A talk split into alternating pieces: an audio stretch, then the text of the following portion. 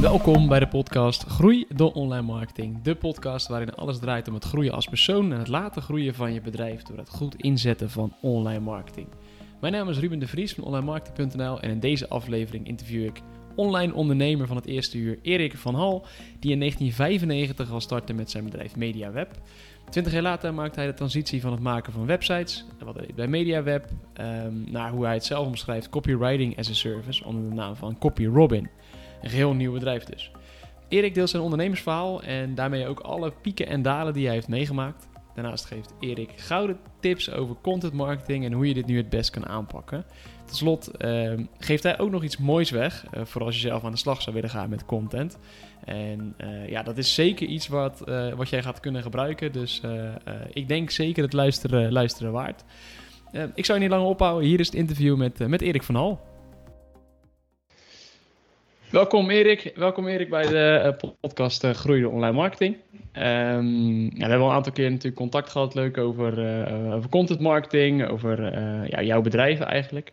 Dus het is super, super fijn dat je je tijd voor hebt vrijgemaakt om, om bij ons in de show te zijn. Ik vind het altijd ontzettend leuk om met andere online marketeers en ondernemers te praten over. ja, nou ja, het is altijd leuk om over je eigen bedrijf te kunnen praten.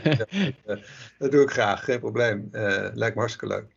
Leuk. Zou je voor jezelf, zo in ieder geval voor, voor de luisteraars en uh, nogmaals voor mij even, even kort willen voorstellen van uh, wie je bent, wat je hebt gedaan en uh, hoe dat een beetje is begonnen, ja. zeg maar. Oké, okay, ja. mijn naam is Erik van Hal en ik ben de, de oprichter van, van CopyRobin. Copywriting as a Service is de dienst die ik verleen. Nou, ja. daar ga ik straks echt wel wat meer over uitleggen. Um, ik ben ook van oorsprong copywriter. Dat wil zeggen dat ik in ja, ik wilde toen ik studeerde in, zeg maar in de jaren tachtig inmiddels, toen studeerde ik, en, maar toen was ik ook een hele fanatieke windsurfer. Dus ik was eigenlijk meer aan het windsurfen dan aan het studeren. Okay. En een van de, en, en ik deed het zeg maar op een redelijk hoog niveau. Dus ik werd gesponsord en nou, het was eigenlijk was dat mijn leven. En, maar ja, ik, uh, ik wilde daarnaast, uiteindelijk wilde ik graag journalist worden. Maar ik was al twee keer uitgeloot voor de school van journalistiek. En toen ben ik een beetje door blijven leren. En uiteindelijk ben ik geschiedenis gaan studeren. Okay. Aan de universiteit in Leiden. En dan kon ik lekker veel windsurfen, want het waren weinig echte verplichte colleges en heel veel lezen. Dus dan kon je een beetje om het windsurfen heen plannen. Uh, nou ja, op een gegeven moment kwam ik eigenlijk door dat windsurfwereldje. Uh, kwam ik, uh, ben ik eigenlijk via een hele andere route mijn vak ingerold. Namelijk ehm, een goede vriend van mij, die maakte heel veel foto's van mij en van andere, van de betere windsurfers in Nederland in die tijd. En uh, die, jongen, die een vriend van mij, die heet Sjaak van der Linden. En dat is echt een nou, beroemde windsurffotograaf. En die heeft, uh, uh, ja, die verkocht dan altijd een, een, spread en een cover aan, aan surfbladen. en, en ik was heel erg bezig met schrijven, met, met copy, met tekst. Ja, ja. En toen zei ik op een gegeven moment tegen hem, ja, als je je hebt heel veel foto's die je niet verkoopt, want het is dan net geen spread, het is net, net geen middenplaat, het is ook net geen, geen voorplaat. Uh, maar als je er een verhaal bij verzint, uh, wat tekst bij aan toevoegt, de waarde aan die foto toevoegt, uh, wie weet verkoop je het dan wel. En ja, nou, toen ben ik een aantal van zijn foto's die hij niet had verkocht, ben ik, heb ik me laten inspireren door mijn eigen ervaringen. En ben ik daar teksten bij gaan schrijven. En ja hoor, dat blad nam ineens veel meer foto's van hem af, met die verhalen erbij. Gaaf, ja. En wat, wat, trok, wat trok dat contentgedeelte? Want je, dit is in rond 1985 dan misschien? Ja, ja 87 zo, ja. Wat, wat trok content nou heel erg naar? Uh, content, uh, waarom vond je dat zo interessant om daarmee bezig te zijn? Nou ja, ik, ik wilde heel graag uh, de, de, journalist worden. Dat was eigenlijk wat ik... Okay. Wat ik, wat, ik wilde graag voor op een krantenredactie te, stukken schrijven... of op het, voor tijdschriften diepgravende stukken schrijven. Ik vond schrijven leuk. Ehm, en... Ja, op een gegeven moment uh, uh, vond ik windsurfen natuurlijk nog veel leuker. Dus, en, en toen kon ik het eigenlijk op een gegeven moment gaan combineren. Want het leuke was dat die foto's, die, die artikelen, die, die teksten, die vielen op. Dus die hoofdredacteur van het surfblad, die zei tegen mijn vriend, de fotograaf, zei van, joh, wie schrijft die teksten? Dat doe je denk ik niet zelf. En toen zei ik, nee, zei hij, klopt, dat doet een vriend van me. Dat is Erik van Hal. En uh, nou ja, zo ben ik in contact gekomen met die uh, hoofdredacteur. Toen ging ik voor dat blad schrijven. Nou, ja. ik betaald. In die tijd kreeg je daar ook nog wel wat voor betaald. Dat is tegenwoordig is het echt heel moeilijk, maar in die tijd kreeg je nog geld voor. Ja. En, uh, ja, en door die artikelen met een bepaalde stijl die ik had, die wel authentiek was, die echt, echt uit het windsurfen zelf kwam. Dus er waren wel journalisten die schreven over windsurfen, maar die surfden zelf niet op, niet op het niveau. En de top windsurfers in die tijd, die konden wel heel goed windsurfen, maar die konden over het algemeen ook niet zo goed schrijven. Dus ja, dat was een unieke combinatie dat ik het allebei had. En toen, toen kwam O'Neill uh, ineens op de proppen, uh, de marketingdirecteur van O'Neill destijds. Die, ja, het viel hem op, uh, mijn teksten vielen bij hem op. Nou, zo, ja, en zo rol je daarin. En toen ging ik voor O'Neill teksten schrijven. Dus veel van, misschien dat een aantal van de luisteraars ook nog wel eens O'Neill school aan de agenda hebben gehad. Nou is een grote kans dat de teksten, dat, dat ik die heb geschreven. En bladen ja, we ja. uit en kalenders en, en allerlei drukwerk natuurlijk vooral in die tijd nog. Nou en ehm, ja, op een gegeven moment uh, ging ik ook teksten schrijven voor, voor videoproducties. Dus ze maakten die sponsors, O'Neill en andere sponsoren, die maakten ook video's uh, over voor ja, tv-programma's eigenlijk over de windsurf uh, World Cup en zo. En toen vroegen ze mij om dan de, op tijdcode de tekst bij zo'n film te schrijven. En nou, dat vond ik zo'n leuke puzzel. Dus dat je de tekst die de voice-over, dus de spreekstem moet inspreken, dat gaat precies op, op de seconde nauwkeurig, moet je die schrijven, zodat het bij ja, past. En, echt gewoon een script schrijven dan eigenlijk? Nou, het is meer eigenlijk achteraf bij de beelden nog uh, zorgen okay. dat de beelden worden voorzien van, van een goede commentaarstem. Ja, dat was het eigenlijk. Dus okay. ja, ja, was gemonteerd, er zat een verhaal in, alleen de commentaarstem moest echt goed getimed, zodat ze iemand, dan huren ze gewoon een professionele stem in en die leest het dan gewoon voor. En dan, uit, uit, de queue uh, gaan ze het dan oplezen. Ja, en dan moet het gewoon kloppen met het, met, met het beeld. En uh, nou, dat vond ik ontzettend leuk. Nou, voor ik het wist ging ik natuurlijk met van alles nog wat bemoeien, want zo zit ik dan wel in elkaar.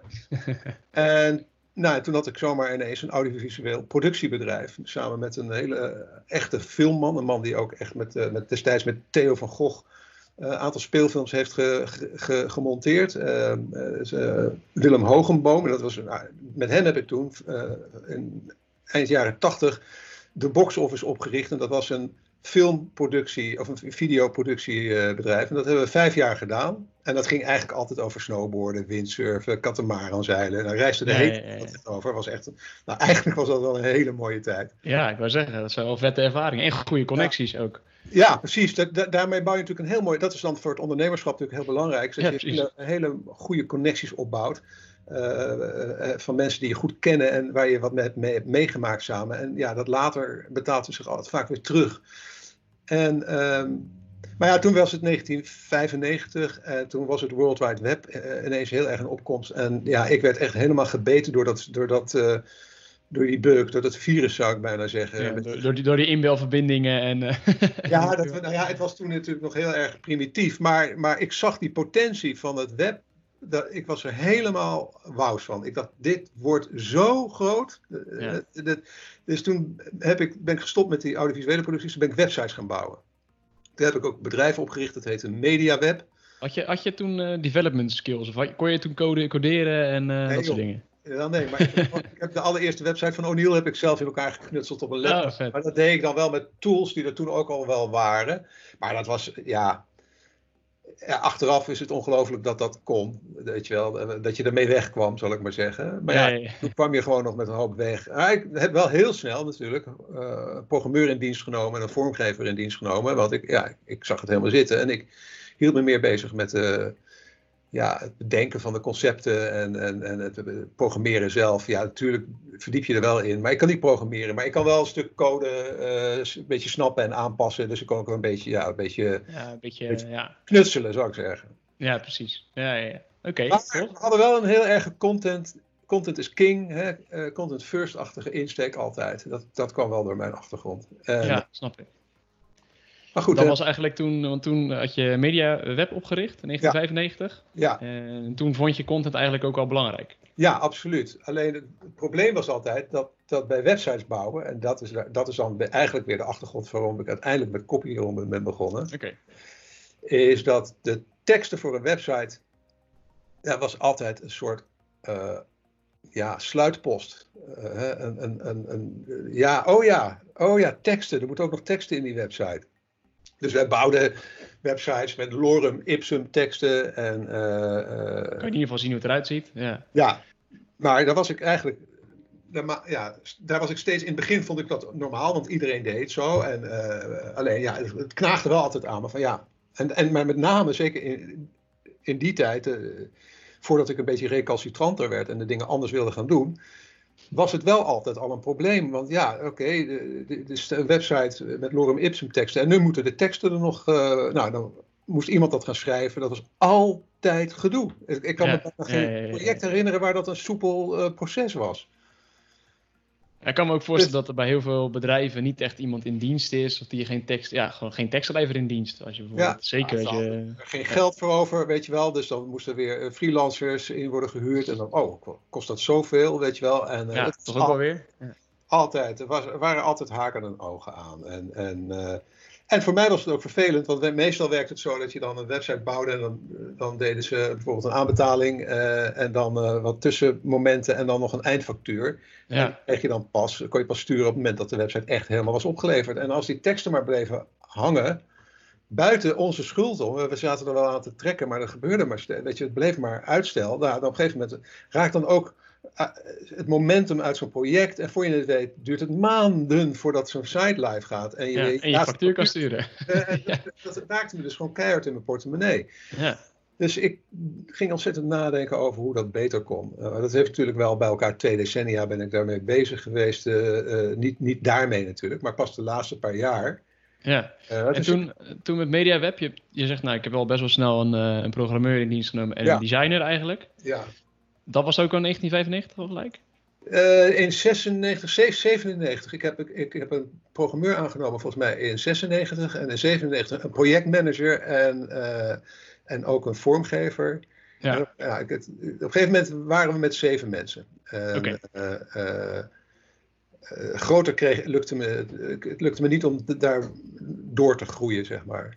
Want ja, ik begon in een tijd dat het nog heel uitzonderlijk was, uh, het bouwen van websites. En op een gegeven moment was het een soort commodity en was het ook heel moeilijk om maatwerk websites, ja, om daar uh, voldoende geld voor te krijgen. Want ja, opdrachtgevers vonden het ook uh, vaak heel, die konden, snapten gewoon niet waarom uh, bij ons bijvoorbeeld een maatwerkwebsite dan uh, 8.000 of 12.000 of 15.000 euro moest kosten. Terwijl ze, als het aan een, een, paar jongens vroegen die op zolder een, een WordPress template in oppakten, die konden het dan voor 650 euro of zo doen. Ja. En, en, zij zagen het verschil dan niet. Ja, dan, moet je, dan heb je een hoop uit te leggen als, als webbouwer. Om, ja. om en, en het lukte mij niet zo goed om om de echte mooie grote klussen de grote, bij de grote klanten binnen te dringen. Dus het is wel een paar keer gelukt. We hebben echt wel een paar hele mooie klanten ook gehad. En anders had ik het ook niet twintig jaar volgehouden natuurlijk. Nee, maar dat snap ik. Niet echt een doorbraak. Hè? Niet dat je denkt van ja, jeetje, nu, is het, nu gaat het Elke keer komt er weer een grote bij en zo, uh, zo door. Oké. Okay. Het, bleef, het, bleef een beetje, ja, het bleef een beetje hangen. En op een gegeven moment in 2013 ben ik toen gaan bloggen. Want ik dacht, ja, ik moet iets doen om, te laten, om die toegevoegde waarde die wij hebben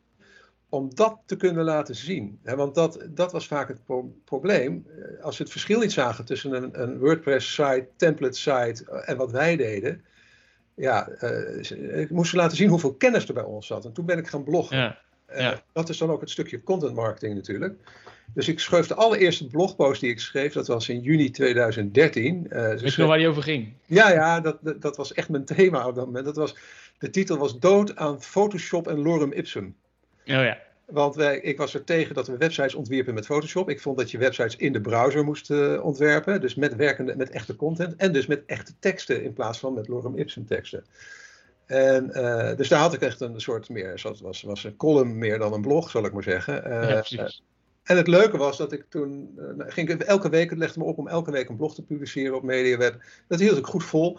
En na een paar weken al werd ik benaderd door e-mers of ik niet voor hun ook uh, kon bloggen. En nou ja, en dat was eigenlijk, toen kreeg ik ineens een veel groter publiek natuurlijk dan via ja. eigen website. Ja.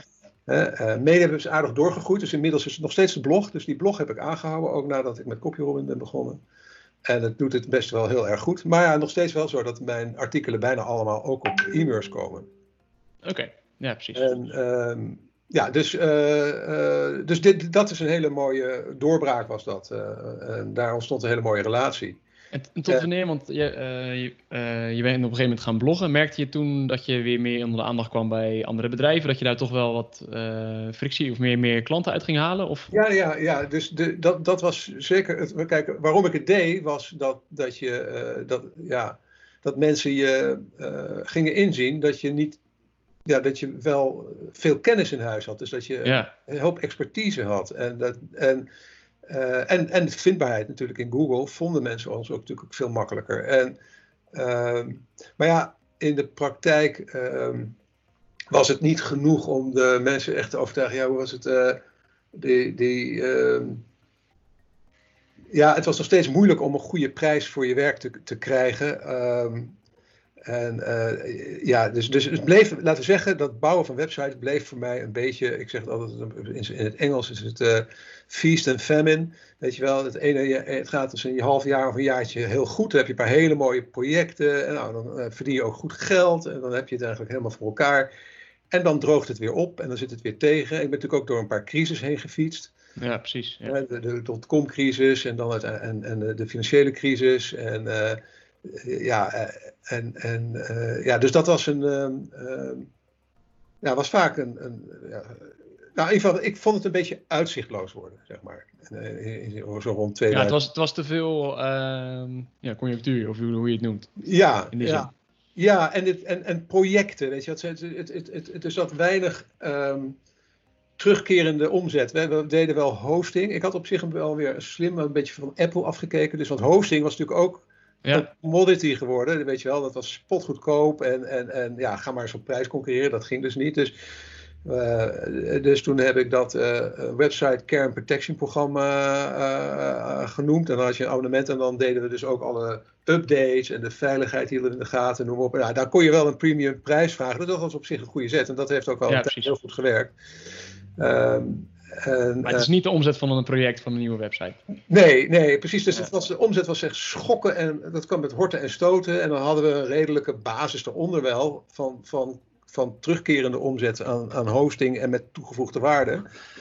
Maar ja, op een gegeven moment was dat gewoon, dat hele businessmodel, er, waren, er was ook natuurlijk zoveel concurrentie. Weet je, probeer je nog maar te ja. onderscheiden. En, en, en iedereen die een beetje kon knutselen in WordPress, die begon ook zo'n bedrijf. En voor opdrachtgevers was het ook heel moeilijk om enig onderscheid, te, ja, om daar keuzes in te maken. Meestal als er een nieuwe klant aan tafel ging zitten, dan was ik eerst een uh, drie kwartier bezig om uit te leggen uh, waarom ze mij wel zouden kunnen vertrouwen. Omdat dan hoorde je eigenlijk wat er allemaal mis was met een vorige webbouwer en hoe ze zich genaaid voelden. En, en, en, en het was, ja, ja, ja, ja, Het was deprimerend eigenlijk op een gegeven moment. Ja. Uh, is, is er wel een bepaald moment geweest dat je dacht van nou, ik, ik kap hiermee? Of is ja. het, of is het uh, oh, oké. Okay. Vertel. Ja, dat is, dat is, dat, ja, dat moment heb ik natuurlijk ook, ook wel, uh, wel wat vaker verteld. Het is ook, is ook een verhaal wat, wat wel bekend is, maar het is, ja... Nog niet bij mij in ieder geval. Dus nou, mooi, maar dan ga ik jou dat nu uh, in geuren en kleuren vertellen. En jouw luisteraars hoop ik ook dat die dat dan voor het eerst horen. Dat is, een, het is op zich een, een, een, een ja, een mooi verhaal. Uh, kijk, ik had in de voorjaar van 2015 uh, zat ik alweer aan, aan het einde van een, wat magere periode. Dus het, eigenlijk het water begon een beetje zakelijk aan de lippen te staan.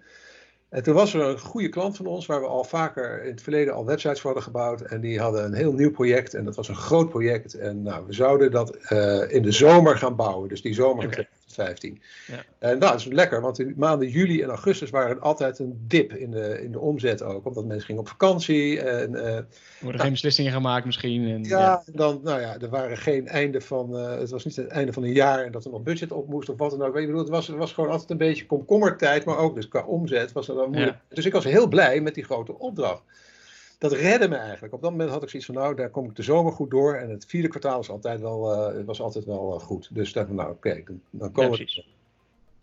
Maar toen, uh, ja, toen ja, bleef het maar stil. Dus op een gegeven moment ergens in, de in de maand juni vroeg ik van, ja, wanneer gaan we starten? Want als ik mijn planning, weet je wel, ik moet een goede planning maken voor de komende twee maanden. Want ik zit met vakanties en dat soort dingen. Dus toen zei ze, ja, het bestuur heeft besloten om het toch naar volgend jaar te tillen. Ja, en even, toen, van, uh, even zeven maanden verder. Ja. Zes en, maanden verder. En toen zakte, het, zakte mijn wereld eventjes in elkaar. Want toen dacht ik, ja jeetje, hoe kom ik hier doorheen? Dit, dit, dit, uh, want ik, dat was 60.000 euro. Ik had er echt op gerekend eigenlijk, dat ik dat in die twee maanden... Ja, was ook een soort van toegezegd natuurlijk, in principe, ja. Ja, dat was, was een soort van toegezegd, maar ja, niet, geen handtekening, ja, geen... Ja. um, dus op, op dat moment, uh, ja, um, um, ja, ik, nou, ik ga naar mijn bank. Weet je, ik, zal, ik bankierde natuurlijk ook al op dat moment ook al een paar decennia uh, bij de Rabobank in, in, Noordwijk en in de Bollenstreek hier. En uh, dus ik maak een afspraak, ik doe een financieringsaanvraag om wat werkkapitaal om de zomer door te komen. Met in gedachte dat die grote klus uiteindelijk ook alweer zou komen. Ja, en toen, toen, toen had ik een reality check moment dat ik daar bij de bank aankom. Ik ga zitten, uh, word welkom geheten door een nieuwe accountmanager. Dus ik had een nieuwe accountmanager. Ja. Uh, dat was zo'n, echt zo'n hartstikke aardige gast hoor. maar echt een trainee, weet je wel. Ik, ja, een jonge twintiger. Ja, ik was natuurlijk ook al, ik was al een vijftiger. En, uh, en, en, en die zei tegen mij, ja, ik ben je nu accountmanager, maar ik moet je helaas ook gelijk, ja, je, je financieringsaanvraag kan ik helaas niet honoreren. En ik, ja, ik heb nog wat slechte nieuws. Uh, ik moet je nu uh, doorverwijzen naar mijn collega's van bijzonder beheer, omdat je negatief eigen vermogen hebt. En ja, en dan... Dan, ja, dan, ga je er nog optimistisch heen en dan kom je eigenlijk na, ja. na een half uur bij, kom je, ja, uh, zak, je schoenen terug. Ja, dan zakt hij door de grond. Echt, echt, dat is een hele harde klap natuurlijk. Ja, uh, ja want die, op, ondernemers zijn altijd optimistisch en die denken het komt wel goed en zo. En nu zag het eigenlijk eventjes van, je, oh jeetje, dit is het voorportaal van de dood. Dus, uh, en het moeilijke was dat ik die middag ook nog een, uh, in, in, een, in een programma zat, een soort ja, het was niet, niet voor op tv, maar een soort, dat was wel met video, een soort ronde tafelgesprek van allemaal internetondernemers. Okay. En daar moest ik een beetje de succesvolle internetondernemer uithangen. En uh, dat was echt een spagaat. Die, die, heb je afgebeld? Of? nee, daar ben ik naartoe gegaan. Dat, dat was maar dat was zo okay. moeilijk. Dat was zo, ik heb er heen geslagen. Maar toen ik naar huis reed, had ik zo'n ja, raar ambivalent gevoel van ja, dit klopt niet, weet je. Dit, ik, ik, ik ben daar een beetje de stoere bink aan het uithangen, terwijl ik uh, net hoor heb gekregen dat ik naar bijzonder beheer ga. Maar ja, kijk, nu ja. kan ik heel mooi over dit soort dingen praten, omdat het me nu goed gaat. Maar als je er middenin zit, weet je, is het, ja, dan ga je niet even tegen die mensen daar aan tafel zeggen, nou ja, ik zat vanmorgen bij, uh, bij de bank en ik ga naar bijzonder beheer. Je schaamt je dood, weet je, dat ja, doe je. Dus, ik. dus ik, ik zat, ja, dus ik speelde mooi weer, zoals elke ondernemer zou doen, denk ik. Ja, dat denk ik ook. Ja, het is, het is, wel, uh, het is wel heel pittig. Ja, ja. Nou ja, dus, dus de volgende ochtend stond ik op en toen was ik, uh, uh, ja, was ik echt wel gewoon depressief. Ja. En, uh, en, oh ja, en, en, maar ik had al in de maanden daarvoor met het idee, want ik, ik had al het idee, ik, ik moet een keertje iets anders gaan doen. Dit heeft, dit heeft voor mij geen toekomst. Dat, het mediaweb, dat bouwen van websites, weet je wel, dit was echt de druppel. Dat, dat bezoek. Aan de bank. Ja. En, en dat was echt. Oké, okay, dat was echt het kantelmoment dat ik dacht van ja, daarvoor was ik nog bezig om te overleven. En nu had ik zoiets van, ik moet weg. Ik moet een uitweg vinden. Ik, ik... Ja, ik kan me ook voorstellen dat, dat zo'n moment daarna, dat je ergens in een tafel zit met andere ondernemers. En je ja, doet alsof het heel goed gaat. Maar op dat moment gaat het niet zo goed zoals je zou willen in ieder geval. Dat dat nog het wel even versterkt ook. Ja, dat, dat, dat, daarom. Want ik, weet je, ik ben altijd heel erg van transparantie en eerlijk zijn. En uh, dat is een aantal normen en waarden waar ik naar leef. En op dat moment moet je toch weer toneel spelen. En dat, dat voelde gewoon niet goed. Weet je, het voelde. Ja. Uh, ja, en ik dacht, ja, als ik nu nog, nog heel lang toneel moet blijven spelen. Uh, want ja, kijk, als je eenmaal gaat vertellen dat het slecht gaat, ja, dan, dan, dan is het een self-fulfilling prophecy. Dus dan, wordt yeah. het, dan, dan, dus dan kan je er beter mee stoppen. Dus ik, ik zocht een uitweg. En ik had al heel lang een idee dat teksten voor websites dus altijd uh, pain in the ass waren. Dat was altijd een probleem. Dus ik, uh, had, alles, uh, ik had al een keer een website gevonden, dat heette Design Pickle destijds. En dat is eigenlijk als je Copy Robin nu ziet, dan is het eigenlijk Design Pickle voor teksten. De, okay. Design Pickle gaat om, om visuele, uh, dus om artwork, om, uh, om, om, om visuals. Voor, voor, dat je die ook uh, daar kan, met een soort abonnement kan bestellen. Ja, ja precies. Nou, en op een gegeven moment heb ik dus nou ja, die, ik, ik had die hele zware dag. Ik weet dat we die dag heb ik ook echt nog, ik weet nog precies de datum, was gewoon 3 juli 2015. Die was een vrijdag. En dan was ik dus s morgens bij de Rabobank en smiddags bij, uh, uh, het, bij die, bij die uh, internetondernemers, dat tv-programma, of het videoprogramma. Ja. En die volgende ochtend, was het zaterdag, en ik werd wakker en nou, diepe put. En ik zei, nou weet ik zei tegen mijn vrouw, nou ik, ik moet echt even gaan uitwaaien, ik moet even gaan nadenken. En ik ga over het strand wandelen met de hond. En toen ben ik een wandeling gaan maken, dat is bij elkaar ongeveer 20 kilometer. Echt gewoon dat je ben je zo'n groot deel van de dag zoet mee. Ja, precies. En de eerste uur, anderhalf uur van die wandeling was ik eigenlijk alleen maar aan het malen in mijn hoofd over: oké, ik denk niet dat ik het ga redden. Ik denk eigenlijk dat ik nu met bijzonder beheer, dat betekent eigenlijk het voorportaal van de, van de zakelijke dood. Ja, dus de kans dat ik straks failliet ga is gewoon heel groot. En uh, wat dan? Weet je wel, ik ben ik had, ik had niet heel veel schulden. Ik had echt alleen schulden bij de bank. Maar ja, daar was ik wel hoofdelijk voor aansprakelijk. Dus ja. weet je, mijn huis, alles stond op het spel. En, uh, en, ja, en, en, wat dan? En hoe ga ik dan die schuld afbetalen? En, uh, uh, en ik had natuurlijk personeel in dienst. hoe moet het daarmee? En, dus ja, alleen maar sores en zorgen. En, en toen borrelde dat idee van dat tekstbureau, dat tekstplatform eigenlijk, uh, wat, wat, ja. al een tijdje in mijn hoofd zat, dat borrelde naar boven. En toen ik ongeveer een uur of anderhalf aan het wandelen was, had dat al ineens, kreeg dat heel veel vorm. Toen was ik ineens heel enthousiast. Toen was ik ook heel creatief. En heel, helemaal, ik was helemaal even vergeten hoe, hoe depressief ik was. En ik had ideeën en ik zat op mijn telefoon, had ik al, al, al iets van zes domeinnamen geregistreerd. Uh, waaronder copyrobin.com en .nl. Oké. want uh, copy, de Robin, dat is, kijk, Robin is een roodborstje in het Engels. En copy, dat is tekst in het Engels. Ik wilde natuurlijk internationaal. En ik wilde dus een naam die beschrijvend was. copy. En iets knuffelbaars had. En dus dit is oh, ja. ja. het roodborstje. Met, dat is ook ons, ons logo, zo'n roodborstje. En het moest natuurlijk een .nl en een .com kunnen registreren, want anders heeft het ook geen zin. En uh, dat waren een aantal eisen, dus dat zijn gelijk wat tips voor als je een bedrijfsnaam gaat verzinnen. Zorg in ieder geval voor dat je, de, dat je wel de, de .com en de .nl en, en eventueel alle andere nog kan registreren, want anders dan uh, krijg je daar later een hoop gedoe mee. Ja, ja, dat is met. Uh, we hadden de naam uh, onlinemarketing.nl uh, voor in gedachten. dus was, die was niet meer vrij. Maar, ja, er zijn nog genoeg bedrijven die een bedrijf gewoon oprichten en dan erachter komen dat, ze, dat ze de domeinnaam niet kunnen krijgen. Dus ja, nou ja, in ieder geval.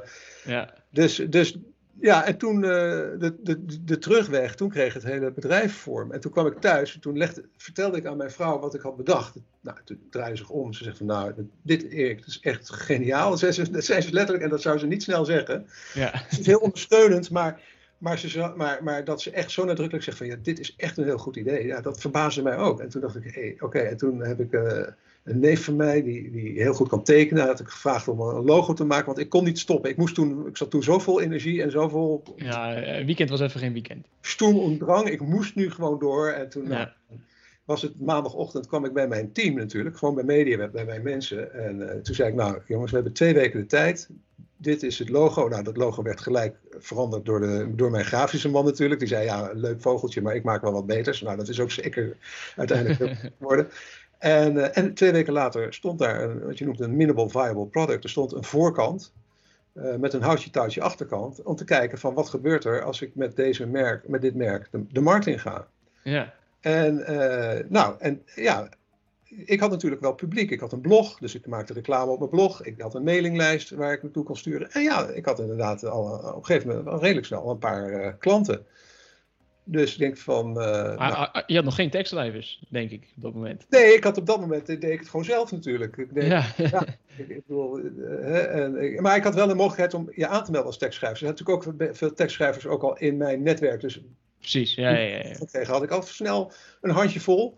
En, en sterk nog, sowieso uit mijn hoofd, één van die schrijvers van die, van die eerste drie schrijvers, die is nu nog steeds heel productief voor ons. Die schrijft nog steeds uh, ja, dagelijks teksten voor ons. En ehm, ja, en, nou ja, toen had ik, uh, ja, toen dacht ik, nou, nou moet ik, wat er nog in media met mijn waarde zit, dat moet ik te gelden maken en dan ga ik door met copy Robin. En, en toen ben ik de boer opgegaan om media, om de goodwill te verkopen, om gewoon met merken, met bedrijven, met personeel en alles om dat te verkopen. En dat is okay, slim. Ja. gelukt. voordat, zeg maar, voordat het niks meer waard was, de waarde die er nog in zat, om die te verkopen. Hoe, hoe heb je dat aangepakt? Ik, nou, vier, ik had natuurlijk ook helemaal geen geld of zo. Dus ik, uh, ik, heb, ik heb vier websites gevonden waar, waar ze vragen aanbod voor de, uh, bedrijvenovernames. En toen heb ik vier gesprekken gehad. En, en een van die gesprekken was met, een, uh, met de jongens die uiteindelijk, waar ik mee samen ben gaan werken. en, en die, dat bedrijf, die, die, hebben nu een bedrijf dat heet Loyals. Waar Jerry, en, Jerry Remmers en Juri Lieberton. En die, die hadden wel interesse om het over te nemen. Ja. Uh, nou, dat ging mee in onderhandeling en op een gegeven moment kwamen zij met een voorstel van ja, is leuk, maar wat, wat ga jij, uh, Mediaweb, nou daar willen we wel een bod op doen, maar wat ga je nou eigenlijk doen dan straks, als, als, stel dat we Mediaweb van je overnemen. En toen zei ik, ja, dan ga ik CopyRobin uh, doen en toen liet ik ze dat zien. En toen kreeg ik daarna een bod om ook mee te doen met CopyRobin. Dus ik had eigenlijk gelijk, okay. Mediaweb was, ja, mijn personeel was, was, was geregeld, de huur was overgenomen, alles was geregeld. En, en, en ze investeerden in CopyRobin, zodat ik een jaar de tijd kreeg om het van de grond te trekken, terwijl ik wel een management fee kreeg. Precies, ja, ja. En, en dat was natuurlijk een, een soort offer I could not refuse. Dat was, ja, want anders had ik in mijn eentje moeten gaan freelancen, bij wijze van spreken. Hè? Ja, risico en... Op de grond af te krijgen, zonder ja. inkomen, of met een heel bescheiden inkomen. Ja, dus dat was eigenlijk mijn grote geluk. Uh, en, um, Gaaf dat zij dat ook zo'n zo, zo tof idee vonden dan. Ja, dan, ja het was ook... zeggen ze, nou we nemen dit over, dat is bewezen. En, uh... Het was ook een validatie van mijn, van, van mijn idee. Ja, snap ik. Ja. En, en, zij zagen het belang van content in. En um, nou ja, en eigenlijk, uh, ja, de rest is een beetje geschiedenis. Dus CopyRobin zou natuurlijk nog veel harder moeten kunnen groeien dan, dan, dan mij is. Maar dat zit een beetje in mijn karakter, dat ik, uh, dat ik um, voorzichtig, soms een beetje voorzichtig ben. Uh, maar op dit moment, ja, midden in de coronacrisis, groeien wij eigenlijk harder dan, dan, dan ooit. Dus, het, maar goed, het, het, concept moest zich nog bewijzen en het was een MVP. Dus ik bedoel, aan de voorkant zag het er mooi uit, maar aan de achterkant was het natuurlijk houtje touwtje. Dus uh, toen nog geen proces uh, investeren om al die processen ook te automatiseren. En, uh, dus daar heb je dat kunnen doen met de programmeurs die je toen al in dienst had bij MediaWeb? Alleen de, nee, de MVP heb ik met, met dat team gemaakt. En ja, ja na eigenlijk, zij gingen over naar, naar, wat, naar Loyals. En, en, en dus daar hebben we ook weer een team gemaakt die uiteindelijk de totale. Uh, want ja. vorig jaar, in 2019, hebben we uh, de huidige platform opgeleverd. En daar hebben we zeg maar, ruim een jaar aan gewerkt achter de schermen. En dat, ja. dat, is, wel heel, dat is wel heel volwassen, zeg maar. Precies, maar eigenlijk is dan Copy Robin weer semi-klant geworden van Loyals. Ja, ja, ja. Dus ja, ja. ja, Loyals neemt bij ons teksten af en wij nemen bij hun uh, code en, en, design af. Ja, ja, ja, vet. Wel ideaal dat je zo'n partner hebt waar je ook gelijk op deze manier mee kan samenwerken. Ja, ja, ja. Tof. Uh, we gaan zo nog heel even uh, wat dieper in op Copy Robin. Uh, wat, we, ja, wat, wat jullie allemaal doen, wat jullie concept is. En ik denk dat mensen het ook wel interessant vinden. ik wil nog heel even terug naar ja, jouw passie eigenlijk, content marketing. Ja. En ik denk dat je daar ook wel veel informatie kan delen voor de luisteraars. Um, om te beginnen, van wa waarom, waarom vind jij dat content marketing uh, zo belangrijk is zoals dat je zegt dat het is? Wat zijn de belangrijkste dingen voor uh, waarom iemand met content marketing moet starten, met copywriting moet starten? Nou, uh, ik denk het aller, allerbelangrijkste is dat als je, dat, dat, dat je de aandacht bezit van je doelgroep, in plaats van dat je hem huurt. He, dus uh, als je adverteert, dan zolang je blijft betalen, heb je aandacht. Uh, ja. Je koopt eigenlijk die aandacht. Uh, maar op een gegeven moment, als je stopt met geld uitgeven, dan zakt het als een plumpudding in. Maar als je nou zelf content creëert en zelf een publiek opbouwt, dan, dan tuurlijk is dat een diepte investering. Dus in het begin kost het meer tijd en, en kost het ook geld, zeker als je het dus weer uitbesteedt, als je het niet zelf doet. Ja. als je, maar ja, een blogpost die uh, uh, een goede positie in Google heeft, die blijft maanden, jaren, uh, zo, hele, kan heel lang klanten blijven opleveren, terwijl je maar één keer hoeft te schrijven en daarna misschien zo nu dan een, keertje, een beetje updaten. En dat is echt een hele grote kracht van uh, voor, voor, ja, waardoor ik vind dat je het sowieso als basis moet hebben. En dan kan ja. je geld uitgeven, dus traffic, weet het, uh, adverteren, om, om, om je groter bereik voor je, voor je content te krijgen. Want als je content organisch moet groeien, dan dat is een langere weg. Ja, ja precies. Je je noemt, nu al uh, met content marketing gelijk met hoog in Google, dus ook met SEO. Uh, hoe, hoog, hoe groot is de correlatie daartussen volgens jou? Sorry, als je. Nou, de, de, nou ja, je noemt nu al content marketing. En uh, ja, hoog in de gratis resultaten van, van Google, de organische resultaten. Hoe groot is die correlatie in jouw ogen? Uh, is content zo belangrijk voor SEO? Ja, natuurlijk. Content is, is essentieel voor SEO. Zonder, zonder content heb je, heb je gewoon geen SEO. Ik bedoel, Google indexeert content en niet, uh, geen advertenties. Je kan op Google, kijk, als je op de korte termijn uh, uh, zichtbaar wil zijn, dan kun je adverteren. Ook op Google natuurlijk, hè, met Google Ads.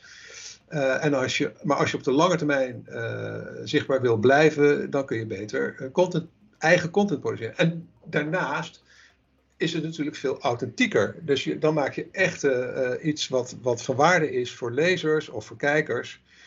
Uh, luisteraars, hè, want je hebt natuurlijk meerdere vormen van content. Ja, ja. Als je gevonden wil worden in Google, moet je geschreven content hebben. Dat is ook een, want, want Google indexeert nou eenmaal teksten. Ja, maar, top, zijn we het daarover eens. Daar ben ik, ben ik blij ja. mee. Ja, dat is en, en video is mooi, omdat je daar meer je persoonlijkheid uh, kan laten zien. En omdat je daar um, soms, soms dingen gewoon beter kan uitleggen dan, dan met tekst. En mensen en, en, en vooral ook een aandacht kan vasthouden. Ja. Uh, en audiovisueel, wat jij nu doet met een podcast, ja, dat werkt, vind ik, werkt ook weer uh, heel goed. Omdat mensen dan, ja, daar, daar bouw je echt een connectie met je publiek mee op. Want mensen komen bij van spreken wekelijks terug om te luisteren. En je hebt heel lang een aandacht. Podcasts zijn vaak uh, best wel lang. En, en, mensen hebben ook de tijd, want ze zijn aan het rijden in de auto of ze fietsen of op de sportschool. Dus uh, ja, uh, ze kunnen toch niet iets anders doen. Dus ze luisteren dan, dan misschien niet altijd even aandachtig, maar je, ja, je zit wel tussen hun oren, letterlijk. Ja, en ja, ja. Dus een podcast en, en is, is, dus eigenlijk moet je, is een goede mix van die verschillende elementen zorgt voor goede content marketing. Um, ja, en ja, je, als je zeg maar een autoriteit wil zijn in je vakgebied, als je expertise wil uitstralen, ja, dat kun je niet kopen met advertenties. Dat kun je alleen maar verdienen door zelf uh, met, met, eigen, met je eigen bloed en zweet en tranen content te produceren. Ja, dat is uh, ook wat je, wat je merkt natuurlijk met, met MediaWeb toen je zelf bent begonnen met, met blog eigenlijk.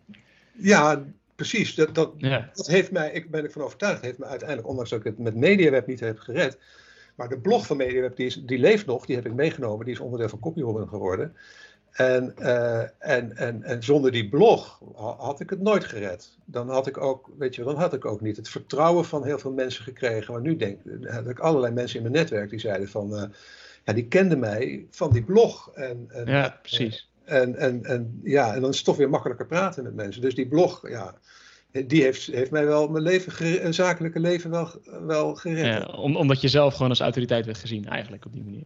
Ja, mensen, ja. mensen kennen je en, en mensen hebben dan sympathie voor je en, en gunnen je wat, en, en, maar denken ook dat ze wat aan je hebben. En, ja. Uh, ja, dus, dus dat. Uh, dus, dus, dus content marketing, ja, ik, ik, het is uh, eat your own dog, dog food, zeggen ze. dus ik, ja je moet het zelf doen. En ik weet ook hoe, hoe moeilijk het is. Weet je, ik moet nu ook uh, wekelijks een blog op MediaWeb uh, uh, zien, zien te produceren. En ik blog ook veel en vlog ook veel voor, voor CopyRobin. Ja, het is, een, het is best een opgave. maar ja, het loont. Ja, het kost veel tijd, maar het, betaalt zichzelf terug, zeg je. Um, als we nog even naar die, die, die content marketing en SEO, die twee uh, die, die hebben gewoon heel erg met elkaar te maken, omdat uh, zoekmachines ook uh, content consumeren en op basis daarvan posities bepalen. In ieder geval een groot gedeelte. Um, heb je tips over hoe lang bijvoorbeeld een artikel moet zijn? Wat is een ideale lengte? is daar, zijn daar regels voor? nee, kijk, het moet gewoon, nou, laat ik zeggen, statistisch is wel zo dat, dat langere content, uh, uh, uh, zeg maar dat als je naar de top 10 posities van Google kijkt, dat er, dat er verhoudingsvrij veel artikelen van 2000 woorden of meer tussen staan. Ja. Blijkt uit allerlei onderzoeken. Um, dus ja, Google moet wel iets hebben. Kijk, waar, kijk, waar kijkt Google naar? Die, die, die kijkt naar de vraag die wordt gesteld en die wil op, op het internet dan het beste antwoord vinden. Precies. Dus het hangt heel erg van de vraag af. Want als jij vraagt aan Google uh, hoeveel is 1 plus 1, dan zegt Google zelf 2. Die gaat niet een linkje naar een blog uh, sturen. Dus Google wil zoveel mogelijk het antwoord gelijk al geven. Hè? Dus als je vraagt als ik bijvoorbeeld vraag van hoe laat gaat de zon vanavond onder in Noordwijk. een mooie feature snippet met daarin. Precies, dat zegt ja. gelijk al. Ja. Dus, um, ja, dus dat is. dus het hangt van de vraag af. Maar als je dus vindbaar wil zijn in Google, dan kun je dus het beste antwoorden geven op, op complexere vragen, op langere vragen. Dus niet, niet waar, je, waar je met een paar woorden al antwoord kan geven. Dus de, waar je de diepte mee in moet. Ja, precies. Echt die, die langere zoekwoorden, longtail zoekwoorden, hoe ze het ook noemen. Langere, antwoorden, langere vragen beantwoorden eigenlijk.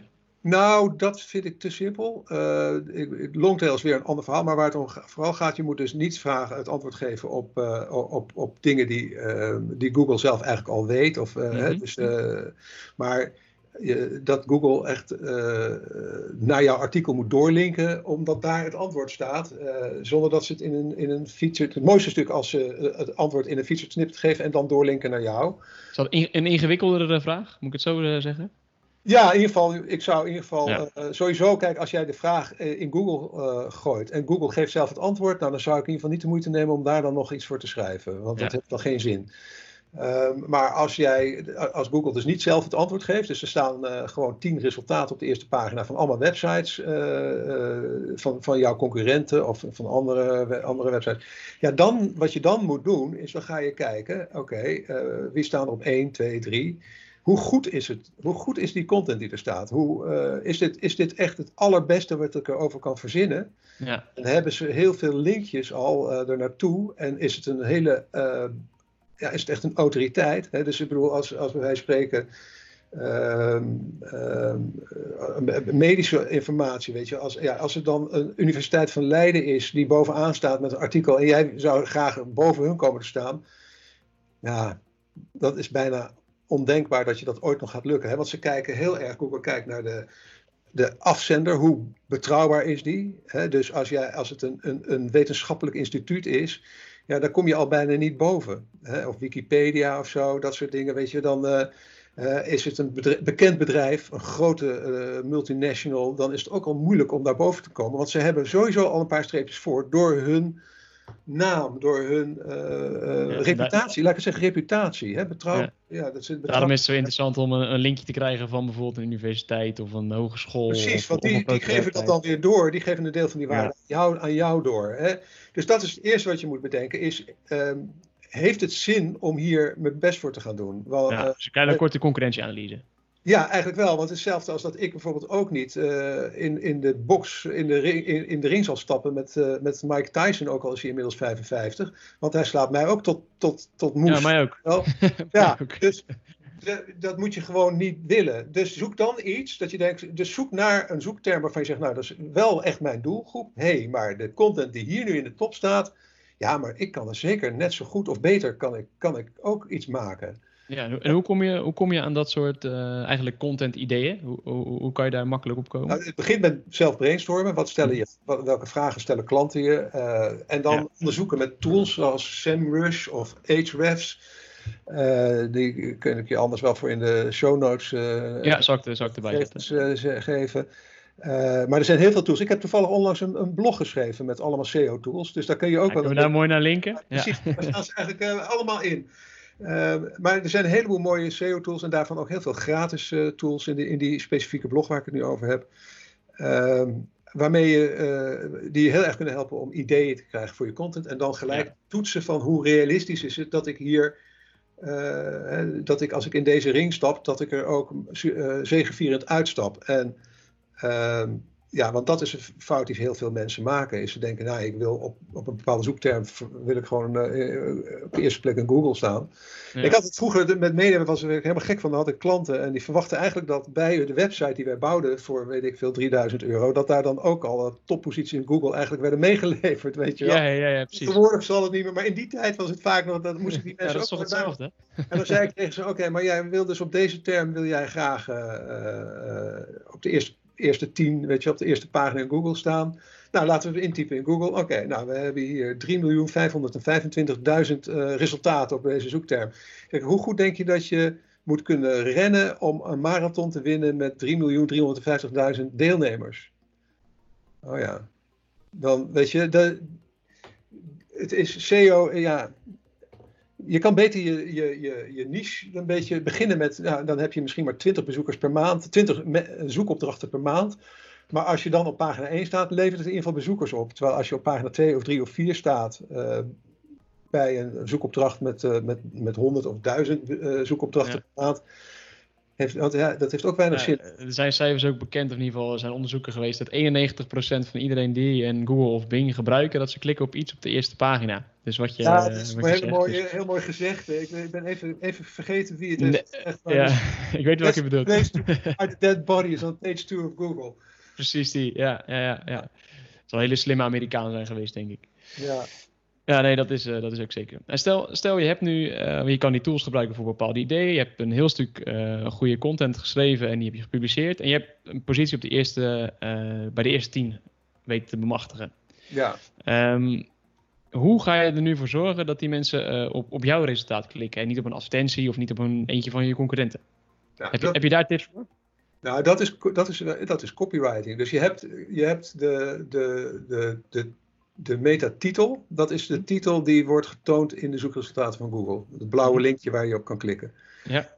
En dan heb je nog de meta-omschrijving. En die toont Google vaak onder, je, eh, onder, je, ehm, onder die link.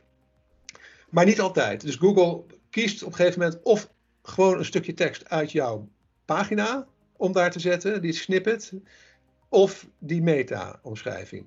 Ja. Maar, eh, Oké, dus daar heb je niet heel veel controle over, maar je, het is, als je geen meta-omschrijving zet, dan pakt hij altijd een random stukje tekst. Als je wel een meta-omschrijving eh, eh, schrijft, dan heb je een goede kans dat Google die gebruikt. En, nou, en die titel en die meta-omschrijving samen moeten eigenlijk de mensen ertoe overhalen om te klikken. En het grote voordeel is dat als je dat goed doet, dus als je echt een goede titel schrijft in combinatie met een goede meta-omschrijving en daardoor Ja. Mensen vaker op jouw zoekresultaat klikken, dan helpt je dat ook om omhoog te klimmen in die, eh, in die zoekpagina. Want als jij op plek 5 staat en op plek 4 staat, staat iemand die er wat langer is en die, eh, die ben je nog niet voorbij, eh, maar meer mensen klikken op jouw link dan op die link erboven, dan op een gegeven moment dan, dan gaat Google eh, jou eh, van, van 5 naar 4 zetten, bij spreken. Ja. Om- Omdat ze zeggen, ja, die, eh, dat heet de click-through rate, hè, de, door, de, de CTR, de, eh, de doorklikratio. En ja, dus, dus het schrijven van een hele goede titel en een hele goede meta-omschrijving, dat is, eh, is een hele goede SEO, maar het is ook gewoon goede, goede, goede business. Want ja, het is sowieso fijn als mensen doorklikken natuurlijk naar jouw website. Daar heb je heel die tekst voor geschreven. Dus in principe. Ja, en het is Ja. wel. Ik vind wel dat het belangrijk is om dat ethisch te doen. Dus je hebt natuurlijk ook mensen die eh clickbait echt eh, eh, schrijven. Maar ja, dan, dat, Ja. dat, dat, dat vangt Google dan weer af door als jij een hoge bounce rate hebt. Dus als mensen. Dat, ze, dat je ze echt weet te verleiden met een hele, hele goede titel en een meta-omschrijving. En ze komen op je pagina en het valt vies tegen. En ze gaan gelijk weer terug naar Google. Dan ga je dus ook weer zakken. Want dan denken Google, oh, blijkbaar was dit niet het goede antwoord op de vraag die ze stelde. Precies, Dus dan ja. zak je weer. Dus ehm, ja, en, en als je dan een goede tekst schrijft, is het belangrijk dat die tekst die mensen het verhaal inzuigt en ze daar houdt. Zorg dat ze lang op je pagina blijven, want als Google ziet van hé, hey, ze klikten op die link en ze kwamen niet terug direct en ze bleven ook nog eens heel lang op die pagina, oh, dan zal het wel een, dan zal het wel een heel goed antwoord zijn geweest. Dus dat is ook goed voor je ranking weer. Ja, zeker. Hoe hou je mensen nu lang op je pagina? Dus A, door Je weet precies mee. Ik hoef geen vraag meer te stellen, joh.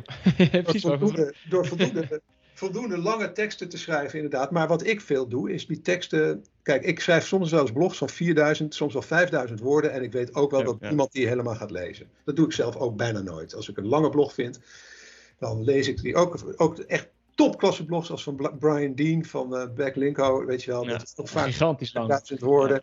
Ik lees ze natuurlijk nooit helemaal. Maar ik, ik, je moet ze goed kunnen scannen.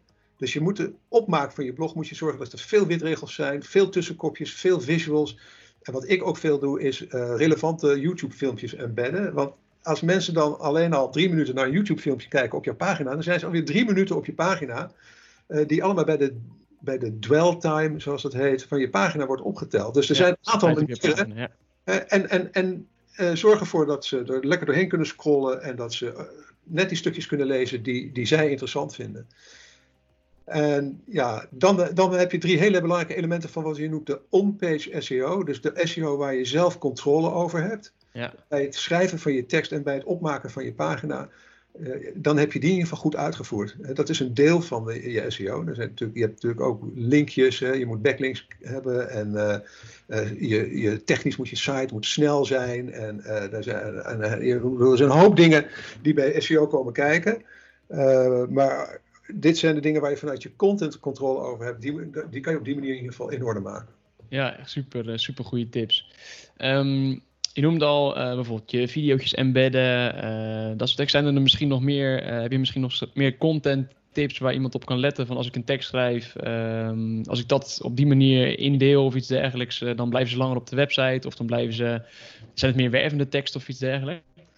Nou, kijk, wat, wat, gewoon heel belangrijk is, is dat, dat, je, dat je een goede intro schrijft. Dat je in die intro dat je ehm, een belofte doet uh, en, en daarbij spreken al een soort voorbeeldje van geeft, zodat de mensen, de, de, als ze de eerste twee alinea's lezen, dat ze geenthousiasmeerd worden om door te lezen. Dus ehm, eigenlijk is het, werkt het een beetje net als bij veel krantenartikelen. Je, je, je, je moet niet het mooiste voor het laatst bewaren. Kijk, dat doe je wel als je, wij spreken, misschien als je een gedicht schrijft of een lied schrijft of als je... Uh, een boek schrijft of zo, dan, dan, ja, eh, dan, dan bewaar je misschien nog de, de clue. Ja, dan bewaar je de clue eigenlijk tot het einde.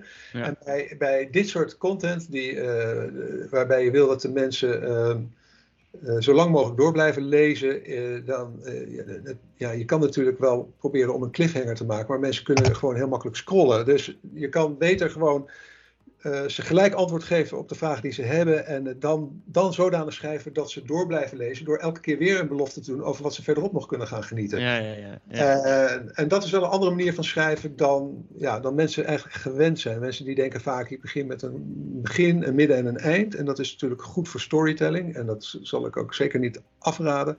Maar als het je erom gaat om uh, mensen op je pagina te houden nou, dan moet je maar eens kijken, het valt altijd op als je naar Amerikaanse nieuwsites gaat of zo. Dan hebben ze soms ellenlange stukken. En dan denk je, ja, dat ga je toch niet allemaal lezen.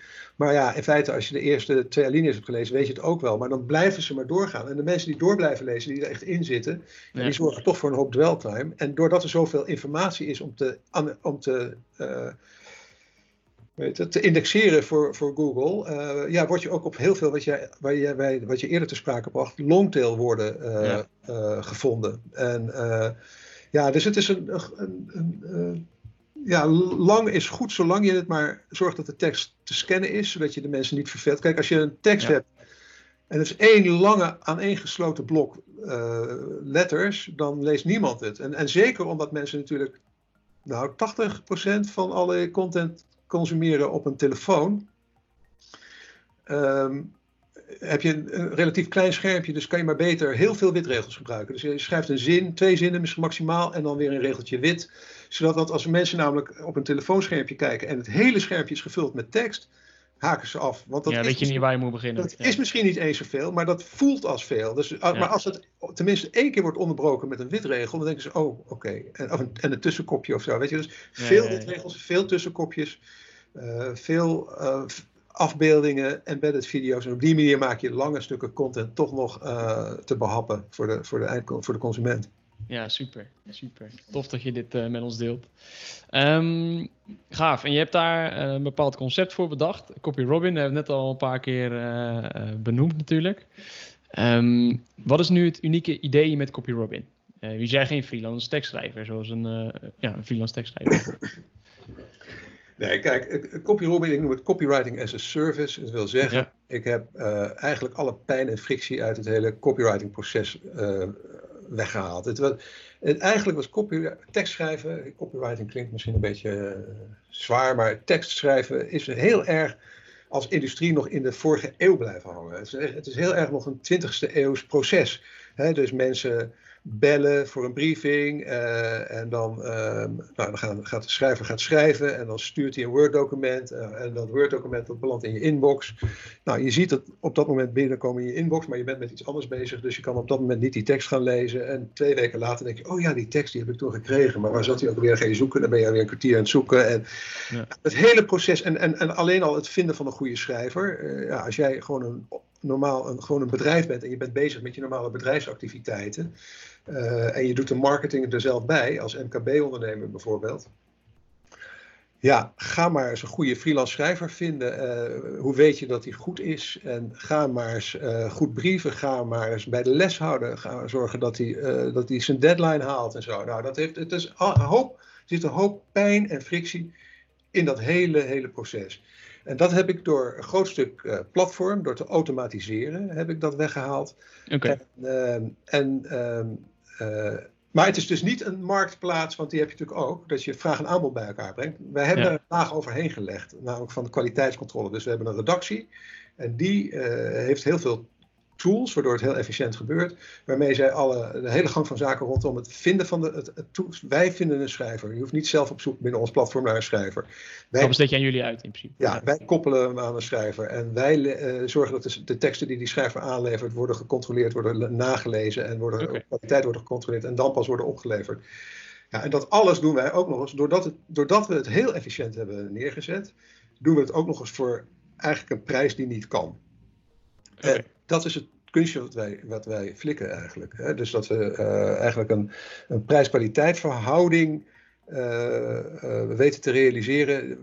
Die, waarvan ja, mensen die echt al heel lang in het vak zitten zeggen van ja, hoe kan dat? Weet je, hoe, hoe doe je dat?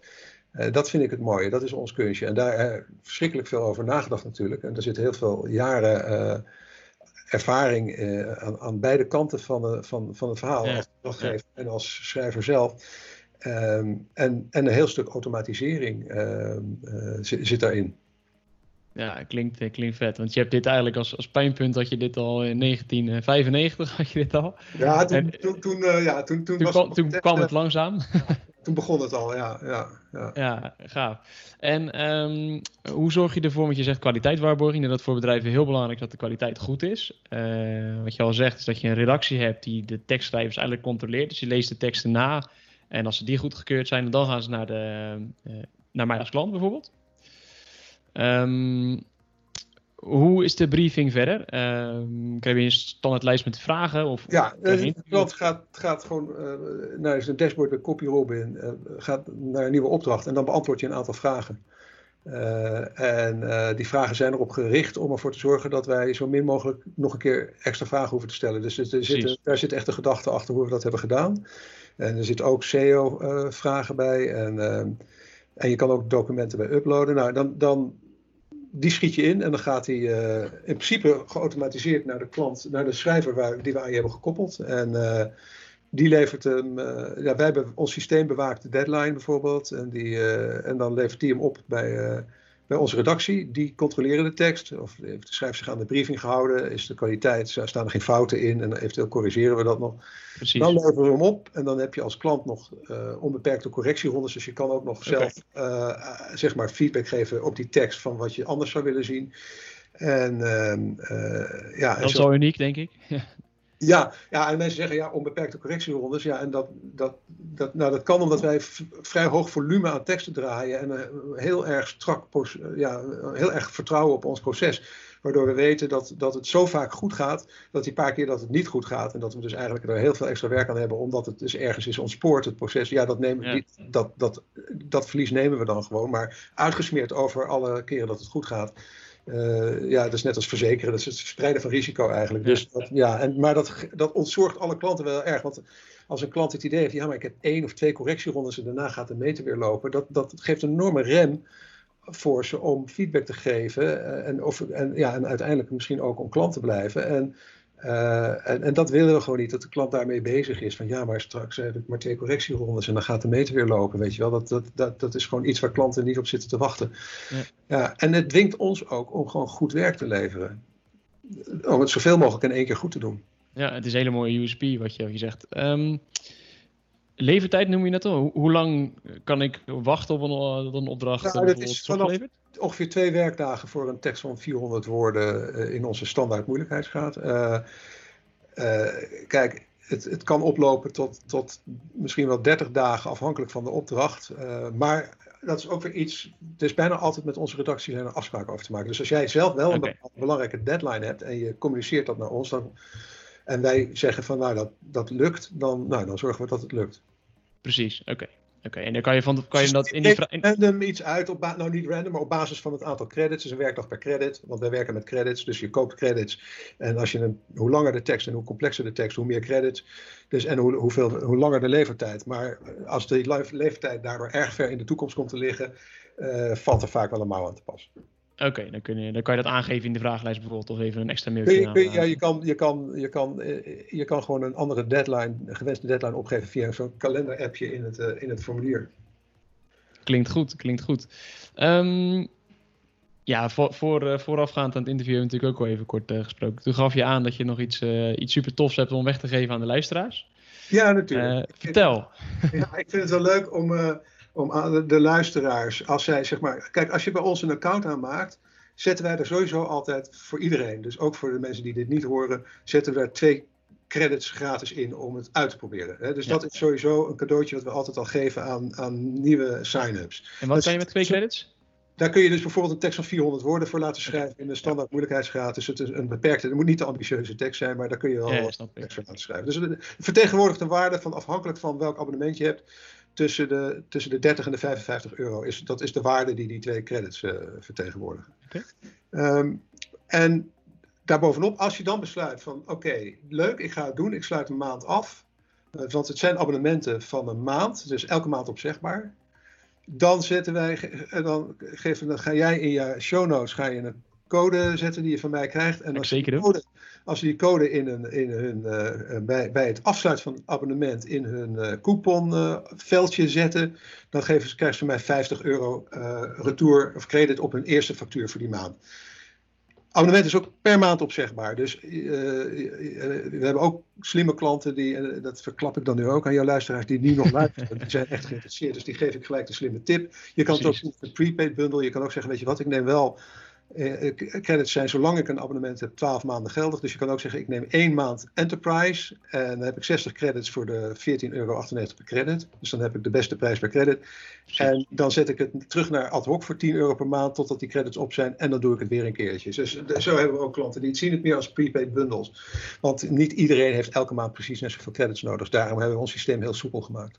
Gaaf, gaaf. Nou, super. Dit, eh, dit zal ik allemaal in de, show notes erbij zetten met de couponcode die ik van jou eh, ga ontvangen. En dan eh, ja, wil ik je bij deze echt super bedanken voor alle informatie die je met ons hebt gedeeld. En ja, ik denk je unieke verhaal. Want het is echt een uniek verhaal van, van windsurfen tot, eh, tot Copy Robin eigenlijk. Ja, Dus ja, super bedankt. En, Heel erg ja, bedankt voor het hele fijne gesprek en het enthousiasme. En ik kijk echt naar uit om, het, om het straks te, te beluisteren. Is goed. Nou, ik ga het je zeker toesturen. En eh, in ieder geval nog, nogmaals bedankt voor je tijd. Dat was het interview met Erik van Hal van Copy Robin. Echt een bizar verhaal als je het mij vraagt over hoe ondernemerschap soms, eh, soms loopt. Zoals Erik al even noemde, eh, heeft hij couponcode opgemaakt voor jou als, eh, als onlinemarketing.nl en een groeide online marketing luisteraar. De couponcode luidt groei 2020 uitroepteken en dan groei met hoofdletters. Ik zal ze ook nog even in de show notes zetten zodat je hem gewoon kan kopiëren. Met die couponcode krijg je 50 euro korting op je tegoed bij Copy Robin. En ja, zorgt er eigenlijk ongeveer voor dat je twee teksten kan laten schrijven door de copywriters van Copy Robin. Iets wat, ehm, ja, waardoor je in ieder geval Copy Robin goed kan, eh, goed, kan testen. Op de website, in ieder geval de webpagina onlinemarketing.nl slash copyrobin kan je alles terugvinden over deze aflevering. En daar kun je ook de couponcode verder, eh, verder vinden. Mocht je meer van dit soort interviews willen horen, laat even een review achter in eh, Apple Podcast en abonneer je op deze, op deze podcast. Dat kan ook, eh, ja, heet alleen volgen bij Spotify, maar je kan hem ook volgen bij Spotify, zodat je in de toekomst niks meer, niks meer gaat missen. Voor nu, bedankt voor het luisteren en zorg voor groei door online marketing.